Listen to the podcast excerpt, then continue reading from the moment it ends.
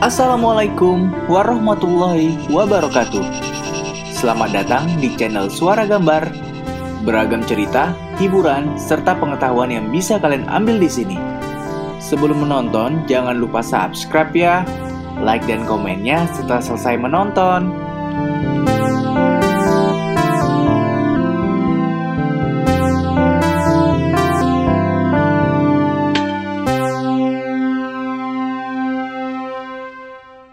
Kak Angga mau membaca buku yang berjudul 31 Cerita Bada Isa 1.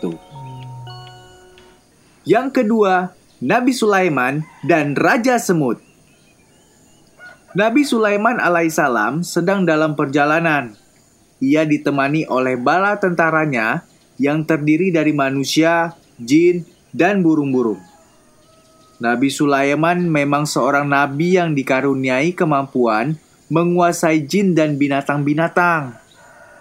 Beliau bisa memahami bahasa binatang apa saja, termasuk semut. Selain nabi, beliau juga seorang raja. Perjalanan Nabi Sulaiman alaihissalam sampai ke lembah semut. Di lembah itu tinggal berjuta-juta ekor semut. Mendengar bunyi langkah gemuruh bala tentara Nabi Sulaiman, Raja Semut khawatir. Ia segera berseru kepada sekalian rakyatnya. Hai rakyatku semuanya! Suaranya lantang.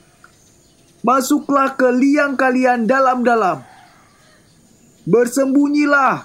Jika tidak, kalian akan terinjak-injak oleh kaki Nabi Sulaiman dan bala tentaranya. Rakyat semut mendengar seruan itu, mereka bergegas memasuki liang mereka di dalam tanah. Bersembunyi sedalam-dalamnya. Sesuai dengan seruan raja mereka.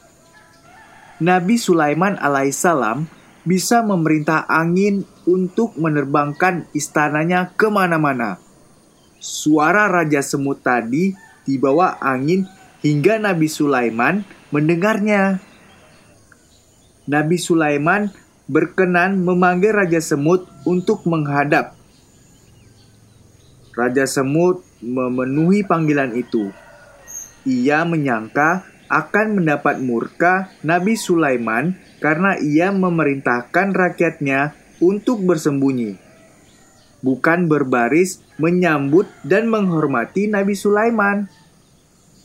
Tidaklah kau tahu bahwa aku ini Nabi Allah?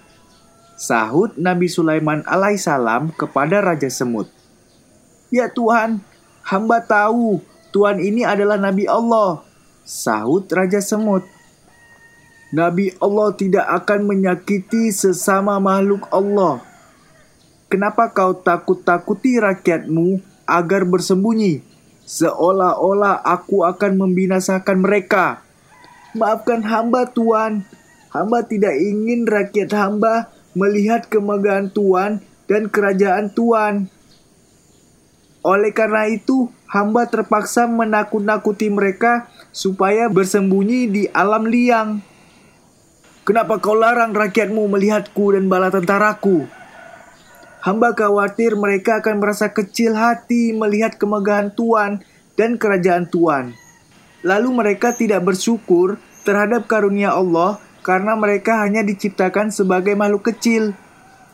Hamba ingin menyelamatkan mereka supaya tetap bersyukur terhadap karunia Allah yang kami terima selama ini.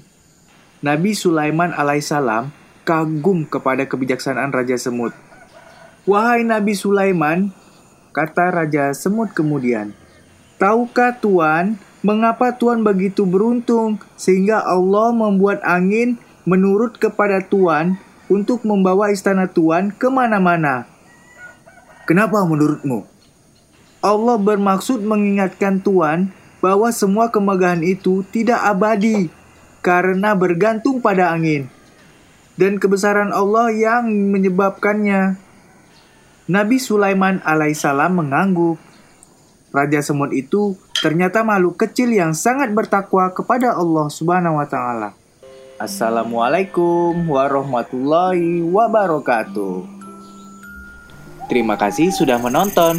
Yuk nonton video-video kakak yang lain.